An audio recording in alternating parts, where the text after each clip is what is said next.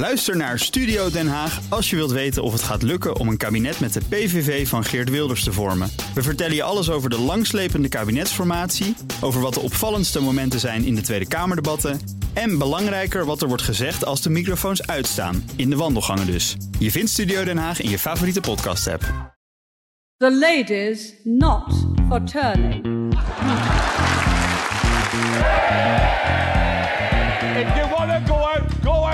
But if you stand again, I'll lord you out. Make your mind up. Are you excited about another election? You're joking. Not another one? Oh, for God's sake, I can't honestly. Welkom bij Van Beckhovens Britten, een podcast over het belangrijkste nieuws uit het Verenigd Koninkrijk met in Londen Lia van Beckhoven. Ik ben Connor Klerks bij BNR Nieuwsradio in Amsterdam. Dag Lia. Hallo Connor. Deze week uh, doen we een stapje terug van de dagelijkse actualiteit en gaan we kijken naar een groter thema, namelijk het Britse kiesstelsel. First past the post, zo heet het systeem dat voor de zetelverdelingen bij de verkiezingen voor het lagerhuis wordt gebruikt. En dat systeem is omstreden om meerdere redenen. Lia, heel in het kort, hoe werkt dat systeem? Het heet, ja, first past the, the post. Oh, Sorry, ja, dat is, dat, ja, ik, ben, ik ben Iers, Lia. Ja, zoals alle Nederlanders. Wij zeggen gewoon paas. En, en Nederlands ik weet het, Conor, maar zelfs voor Iers, uh, half Ierse Nederlanders geldt een Amerikaanse invloed die de Britten vreemd is. Dus First Past the Post, FPTP. Mm -hmm. Heel eenvoudig, 650 kiesdistricten in het Verenigd Koninkrijk. In ieder district staan kandidaten uh, uh, voor verkiezingen waar je op kunt stemmen. En de kandidaat met de meeste stemmen wint. Mm. Dus als de Labour-partij in um, alle 650 districten op de tweede plaats komt en wint dus miljoenen stemmen, ja. maar geen enkele zetel, dan tellen geen van die miljoenen mensen die op Labour gestemd hebben. Dus die stemmen die tellen gewoon niet. Hm, ja. um, uh, en dat kan betekenen dat, in, dat twee derde van de stemmen eigenlijk niet geteld worden. Want ja. je telt alleen de stemmen van de winnende partij. Dit was een systeem wat heel lang geleden is ingevoerd. Mhm. En waar de meeste andere landen die um, een relatie hadden met het Verenigd Koninkrijk, omdat ze bijvoorbeeld oud-koloniën waren, um, langzaam maar zeker hebben afgeschaft. Hè. Die hebben zich uh, vermoderniseerd. Maar de Britten zijn een van de weinige landen die nog steeds dit systeem uh, handhaven. Ja.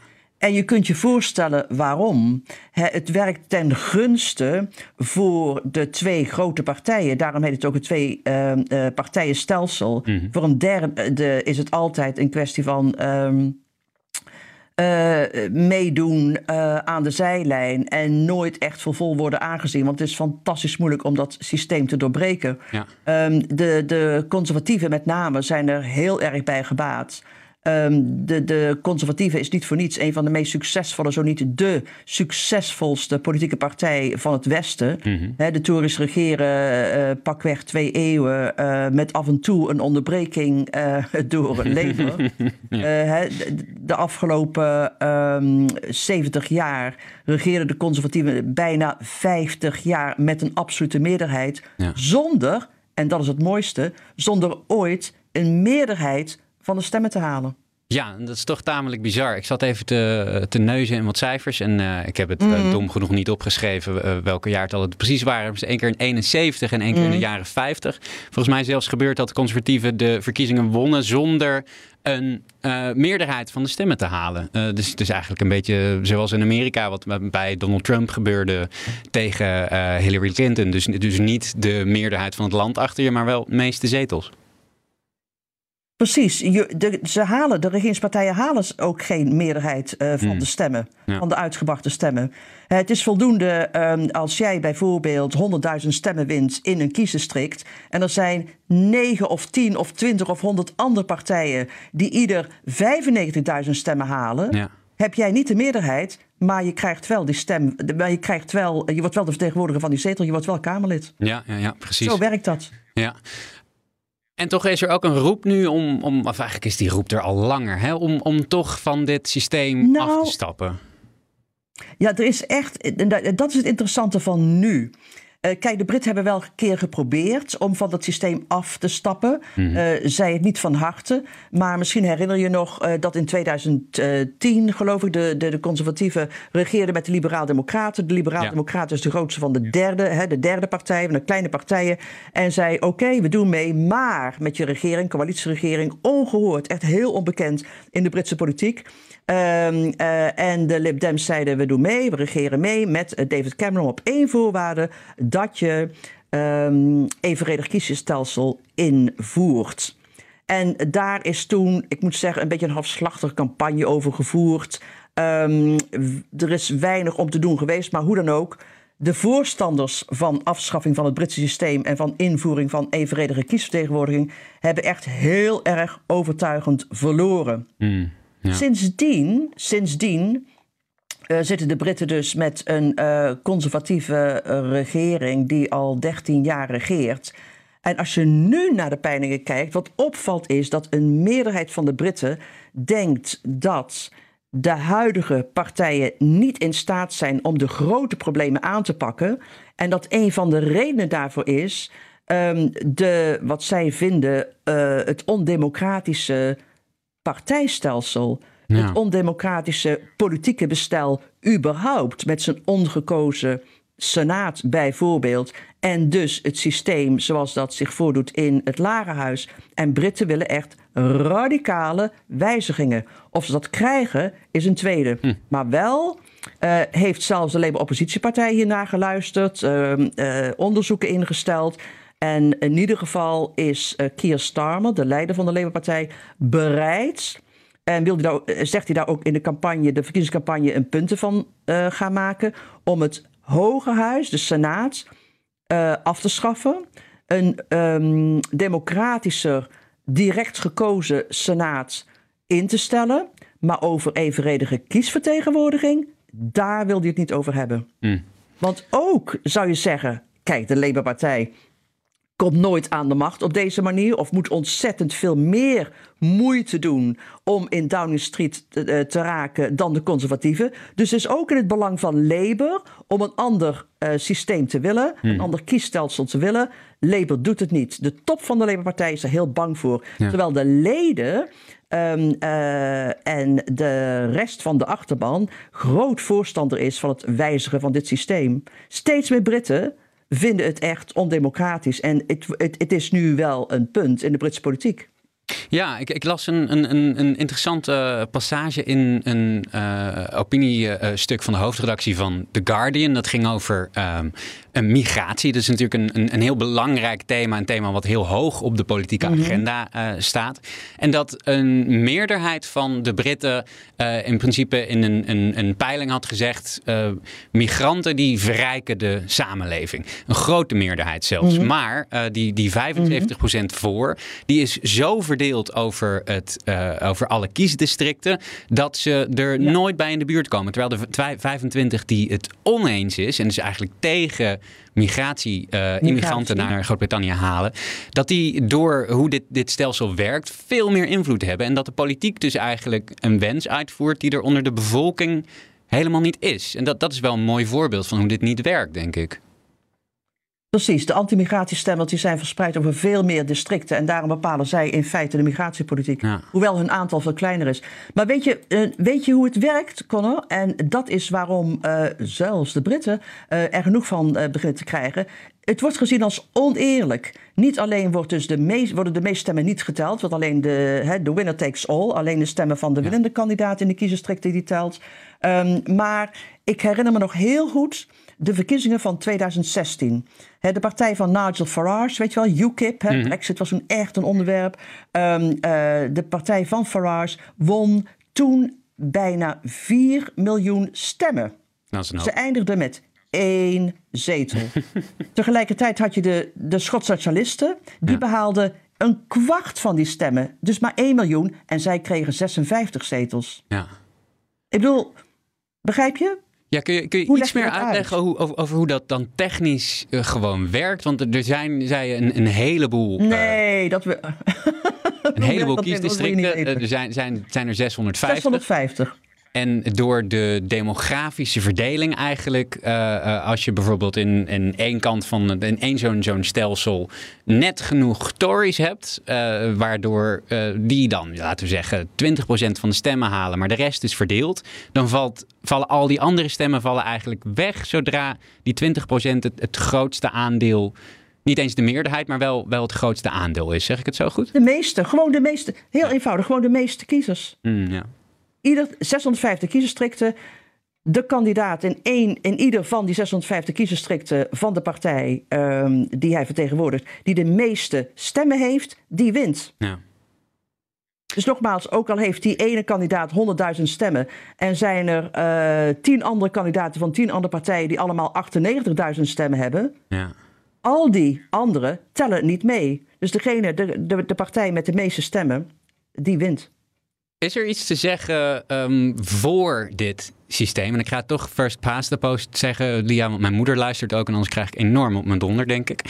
Maar valt er iets te zeggen uh, voor het behoud van dit systeem, buiten dat het handig is voor de zittende macht? Ja, Tuurlijk, en daarom uh, is Labour ook heel huiverig uh, voor het verruilen van uh, dit systeem naar evenredige kiesvertegenwoordiging zoals, hij dat, zoals wij dat kennen. Ja. Want het verwatert de macht van de partij. Ja. En het laatste wat Labour wil, als ze eindelijk eens een keer aan de beurt is, is ja. dat zij zeggenschap moet delen met andere partijen. Dat gaat wat Labour betreft niet gebeuren. Dus dat is ook de reden waarom zelfs Labour um, heel erg argwanend staat uh, tegen het, uh, het, het, het um, uh, aanpassen en het veranderen van first past the post. Ja. Um, ja, je zou kunnen zeggen het is in het belang van Labour, want dat is ook het punt. Hè. Stel, um, de Labour-partij verandert het kiessysteem, dan betekent dat inderdaad dat nooit meer één grote partij kan winnen met een minderheid, laten we zeggen met 35 procent, en, een meer, en kan regeren met een grote meerderheid. Ja.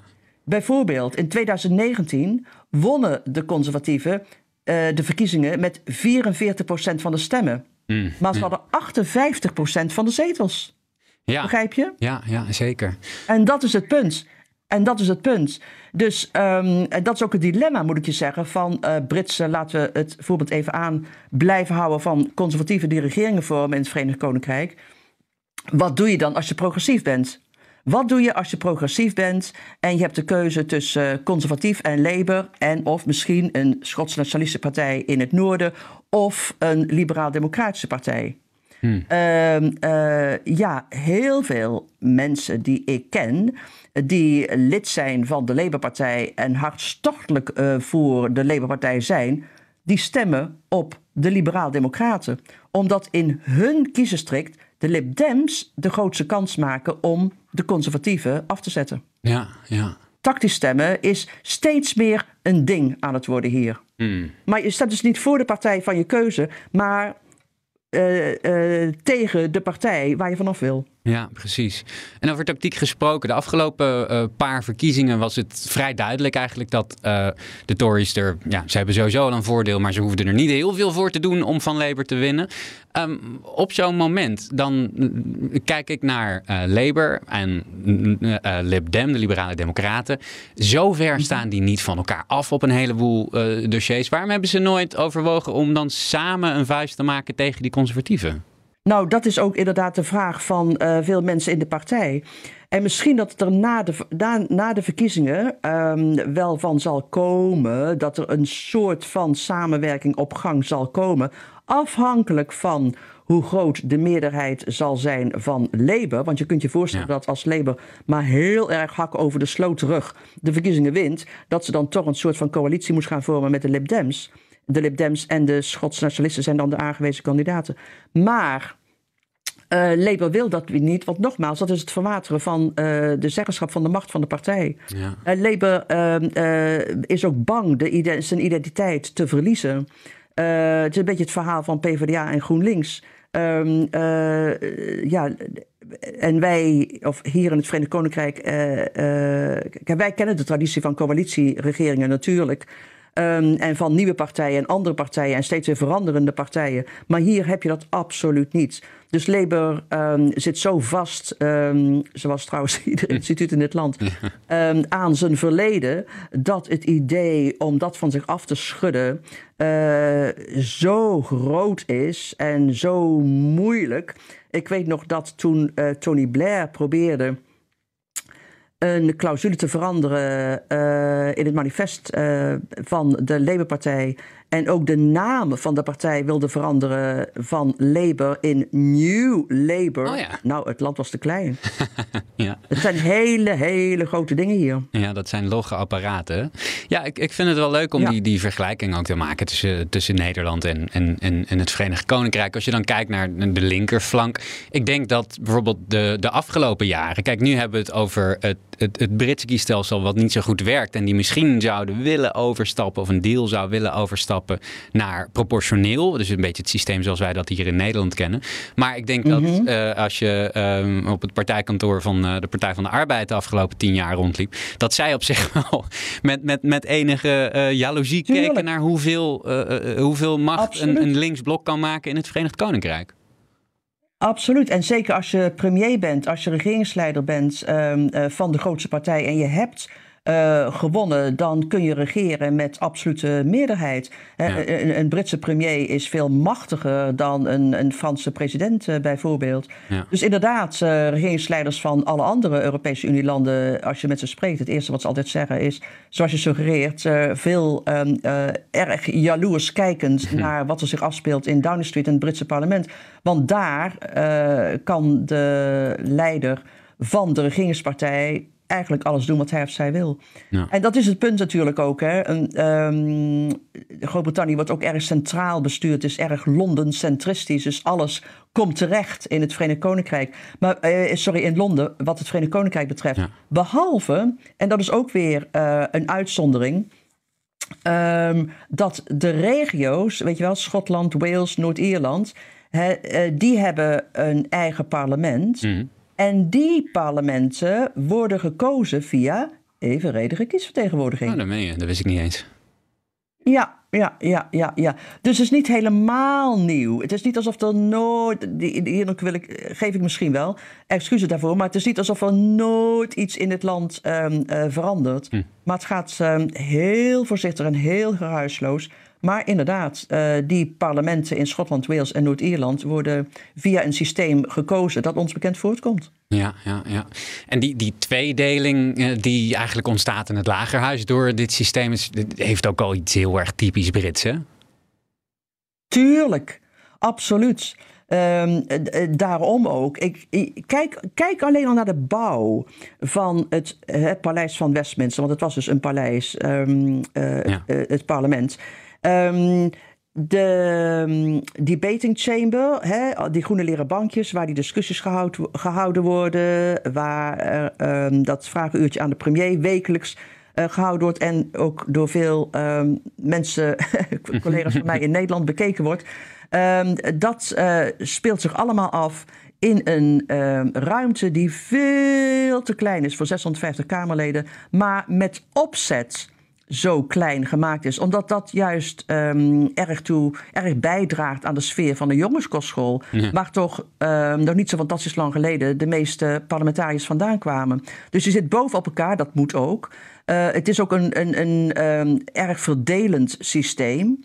Eh, want je hebt het altijd over voor- en tegenstanders. En die zitten ook tegenover elkaar. Ja. Je hebt de regeringspartijen aan de ene kant en de oppositiepartijen aan de andere kant. Gescheiden door twee zwaardlengtes.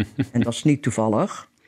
Ehm, dus het houdt het systeem in de hand van tegenstanders en voorstanders.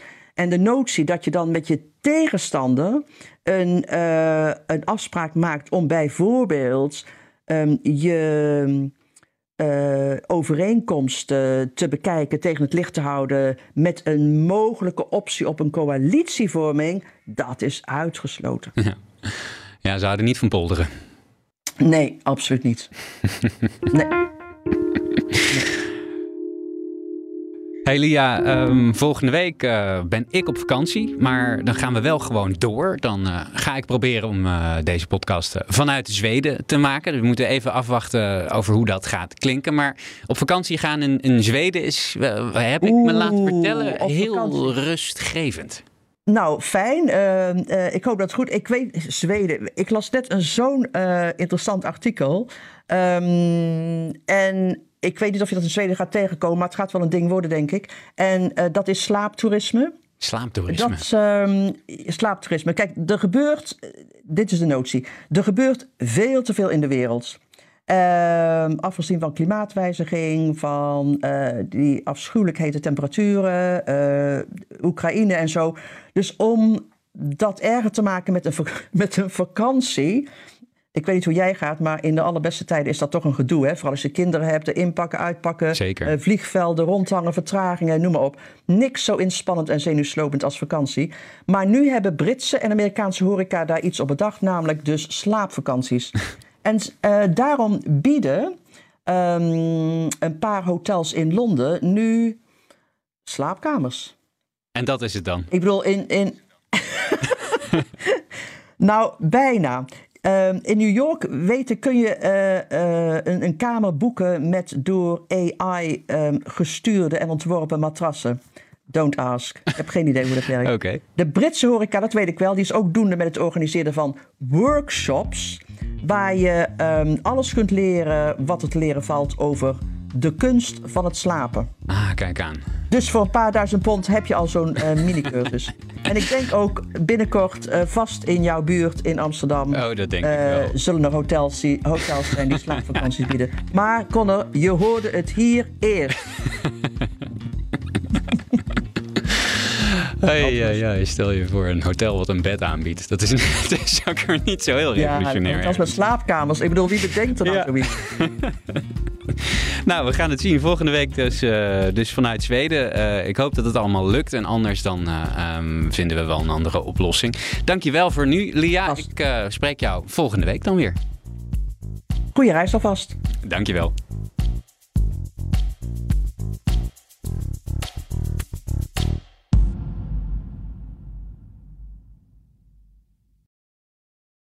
Ook Liesbeth Staats vind je in de BNR-app. Ja, heel handig. Luister live naar Kees en mij tijdens de Daily Move. Dan blijf je ook gelijk op de hoogte van breaking news en het laatste zakelijke nieuws. En daar vind je ook alle BNR-podcasts, waaronder de Perestrooikast. Download nu de gratis BNR-app en blijf scherp.